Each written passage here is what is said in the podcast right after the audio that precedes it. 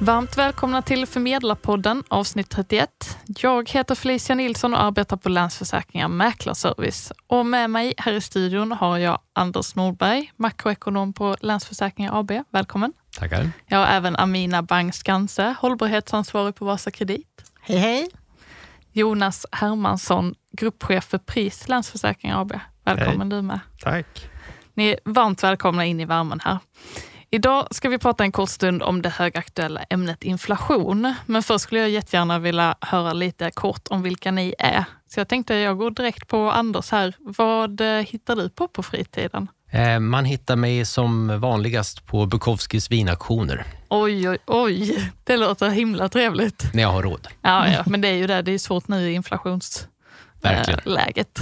Amina, då, vad är din favoritsysselsättning? Ja, jag är ju en entvägen golfare, vilket betyder att ibland går det bra och ibland går det inte alls bra. Så att eh, 50 procent så är jag golfspelare och annars är jag något annat. Men spelar du nu under vintern också? Är det innegolf då?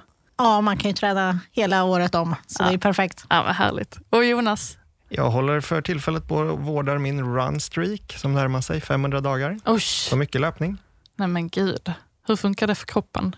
Tål det, den det? Det går bra om man kör återhämtningslöpning två av tre pass. Ja, jag är himla imponerad. Jag, jag tar åt mig av eh, alla era delar. Tänker jag. Man kan springa lite, dricka lite vin och bara ha det allmänt härligt. Men jag tänker vi hoppar in i ämnet. Ni är ju väl insatta i det vi ska prata om och många som lyssnar har säkert en oro om vad som sker, men också funderingar över varför. Vi går ju igenom en inflationskris, men vad är det egentligen som har hänt?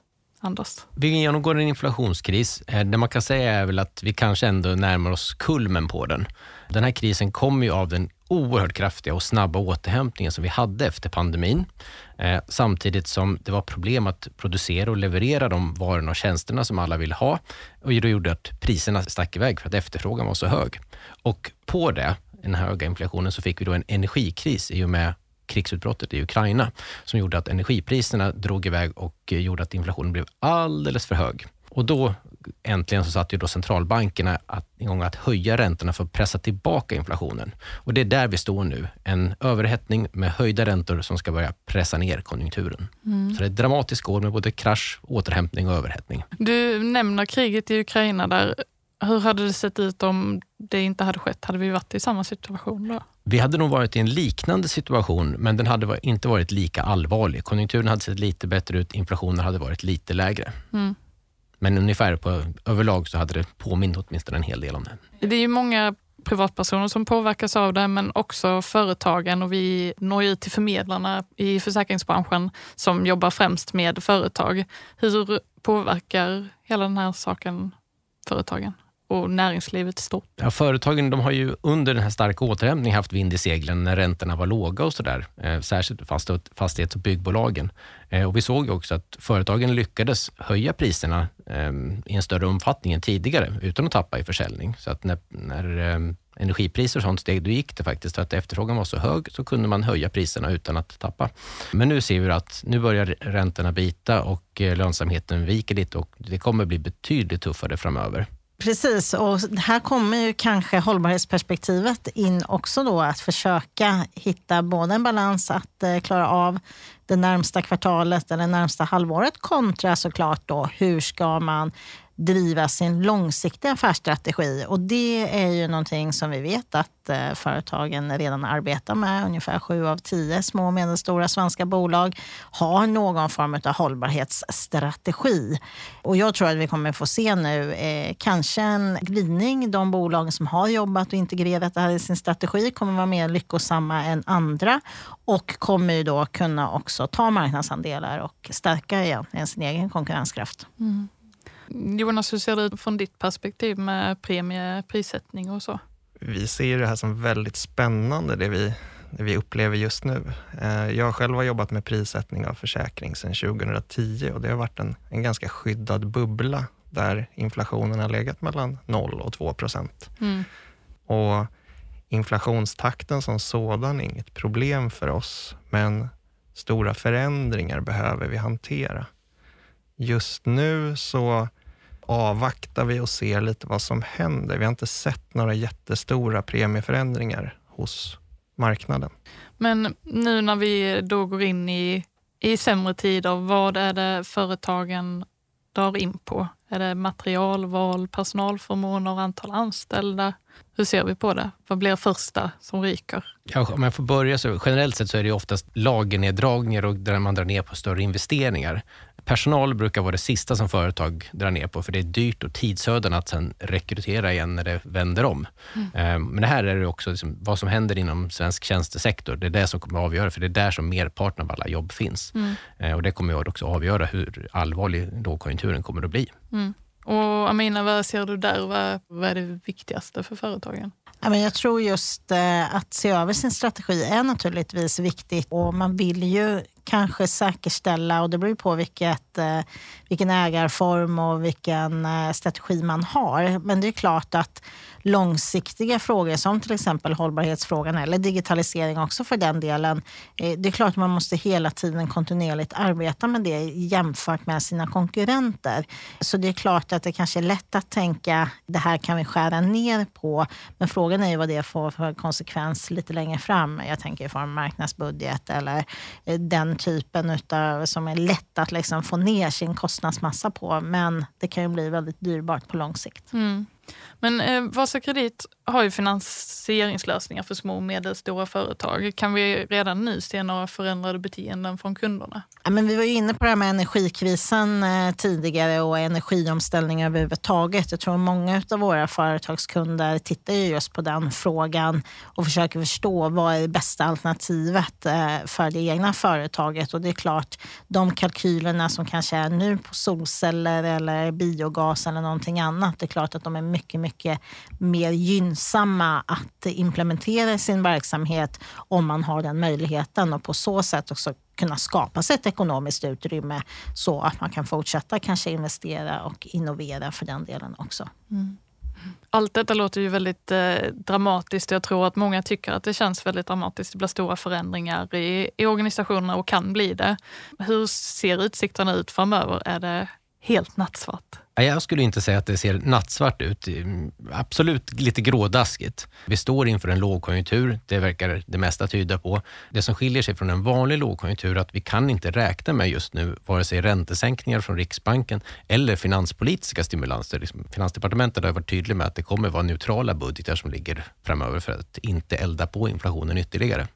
Men det blir negativ tillväxt, stigande arbetslöshet i korten för 2023. Men som också var inne på tidigare, vi ser också att vi närmar oss kulmen på inflationen och räntehöjningarna. Och eh, det skulle förvåna mig att när inflationen väl lägger sig, när räntehöjningarna biter, så kommer vi förmodligen landa i att världen ser förmodligen rätt lik tiden innan både krig och pandemi. Så att man ska nog vara förberedd för det också, mm. när vi kommer ur lågkonjunkturen. Jonas, hur ser du på det framåt? Eh, hur premiesättningen exempelvis kommer se ut? Blir försäkringarna dyrare 2023? Det får nog ändå vara gissningen. Med en inflation på 10 procent så är ju inte försäkring förskonat. Men sen är det inte så enkelt att vi möts av 10 procents inflation, utan vi behöver kolla på ingående komponenter i det som bygger upp inflationen. Byggprisindex och, och andra typer av saker, lite beroende på vilken försäkringsprodukt vi pratar om. Så det är mm. väldigt svårt att säga just nu. Skulle du säga att själva försäkringsprodukten är inflationskänslig?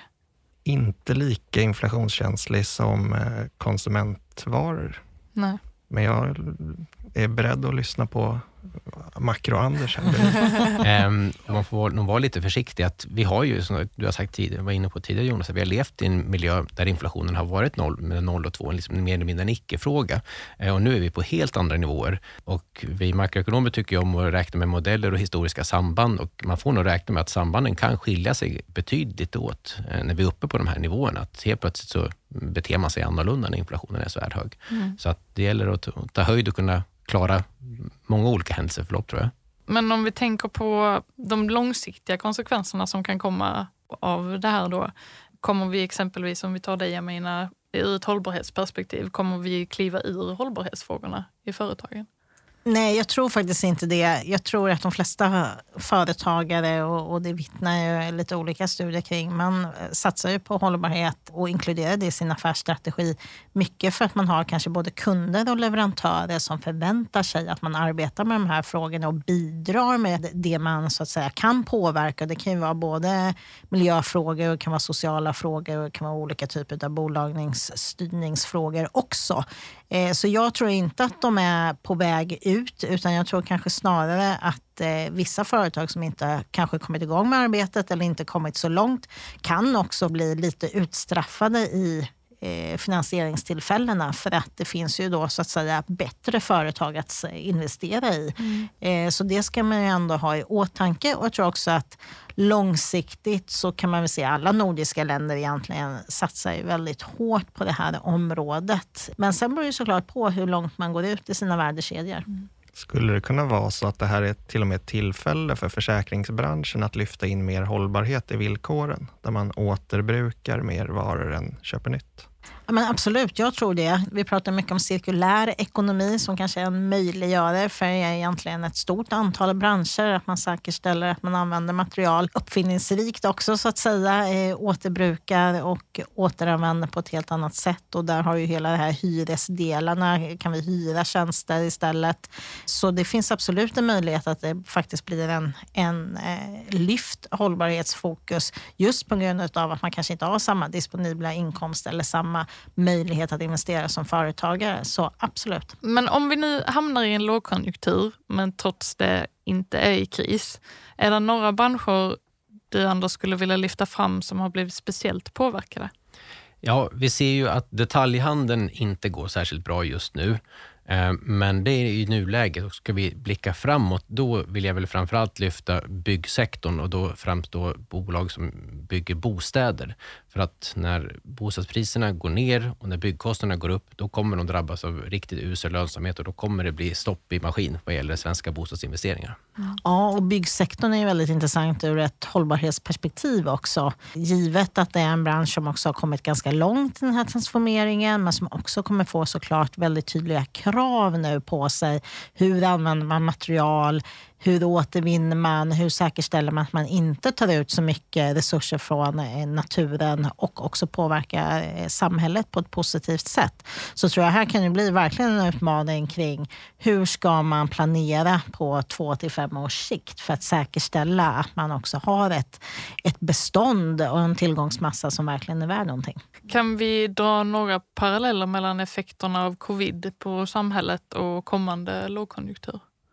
Inom prissättning så är väl det tydligaste exemplet där vi under pandemin såg ett totalt stopp i resande, vilket är en väldigt stor del av skadekostnaden i, i våra hemförsäkringar, till att man istället spenderade tid på sitt fritidshus och där orsakade eller eh, drabbades av skador. Och Det är för tidigt att säga hur det här kommer drabba oss inom, eh, inom den här lågkonjunkturen. Men, men det är möjligt att vi kan se att olika komponenter i inflationen påverkar att skadekostnaden drivs från bygg till avbrottsskador eller liknande. Eh, men eh, hur jobbar ni med prissättning, Jonas? Intressant fråga. kul att få prata prissättning. Vi tittar ju på ett antal års historisk data på vilka försäkringar vi haft och Eh, vilka premieargument eller vilka beskrivande faktorer som vi har sparat om dem. Eh, boyta, ålder på stammar eller försäkringsbelopp. Allt det skulle kunna beskriva risken. Och då med, statistiska metoder försöker vi hitta hur vi bäst kan förklara den risk vi sett historiskt. Då når vi fram till någon form av riskpris. Ovanpå det så behöver vi lägga våra omkostnader, eh, anskaffningskostnader och liknande och även vår tro på framtiden. Och Det är det som gör det så otroligt spännande just nu. Vad ska vi lägga in i tron mot 2023? Ska vi lägga 10% för inflationen flöt eller ska vi beroende på produkt avvakta lite och se, ja men det kanske är 3% här för att vi, just den här produkten påverkas inte lika starkt av inflation. Mm. Då tänker jag att vi kan ta det avslutningsvis nu när vi börjar närma oss årsskiftet. Vad kommer ni titta extra på under 2023? Ska vi börja med dig Anders? Jag är väl mest nyfiken på hur lång tid det tar innan Riksbankens räntehöjningar börjar bita ordentligt på ekonomin och de gör att efterfrågan i ekonomin sjunker och att hur det sen föder över i en lägre inflationstryck och att vi då ska få se den här nedgången från den väldigt höga inflationen vi har nu till en betydligt mer beskedlig inflationstakt mot slutet av året och hur den resan kommer att se ut. Det ser jag fram emot att bevittna. Spännande. Och du Amina? Jag är väldigt intresserad av att se om den här eh, eventuella då lågkonjunkturen också kommer påverka eh, svenska näringslivet på ett positivt sätt och att man faktiskt kommer mäkta med att skaffa sig en konkurrenskraft även inom Europa och kunna faktiskt ha möjlighet att sälja många av de här fina, smarta, innovativa lösningarna och såklart se om finansieringen kommer fortsätta vara väldigt fokuserad på omställning och eh, grön finansiering. Mm. Och Jonas, vad kommer ni titta extra på? Oklart vad exakt, men, men eh, jag ser fram emot många nya samarbeten. Bara, bara under den här hösten så har vi börjat prata med, med makrogrupperingar och med inköp för att hitta vilka index vi, vi behöver följa för att eh, kunna finnas där när våra ägare och kunder eh, drabbas av skador. Det låter faktiskt väldigt lovande. Ehm, jag tackar så jättemycket för att ni ville komma hit. Eh, och eh, vi hoppas och jag tror att eh, man går ur den här lyssningen lite mindre rädd och lite mer förberedd, eller bra mycket mer förberedd för framtiden. Så jag tackar så jättemycket. Tack, Tack så mycket. På återseende. Tack.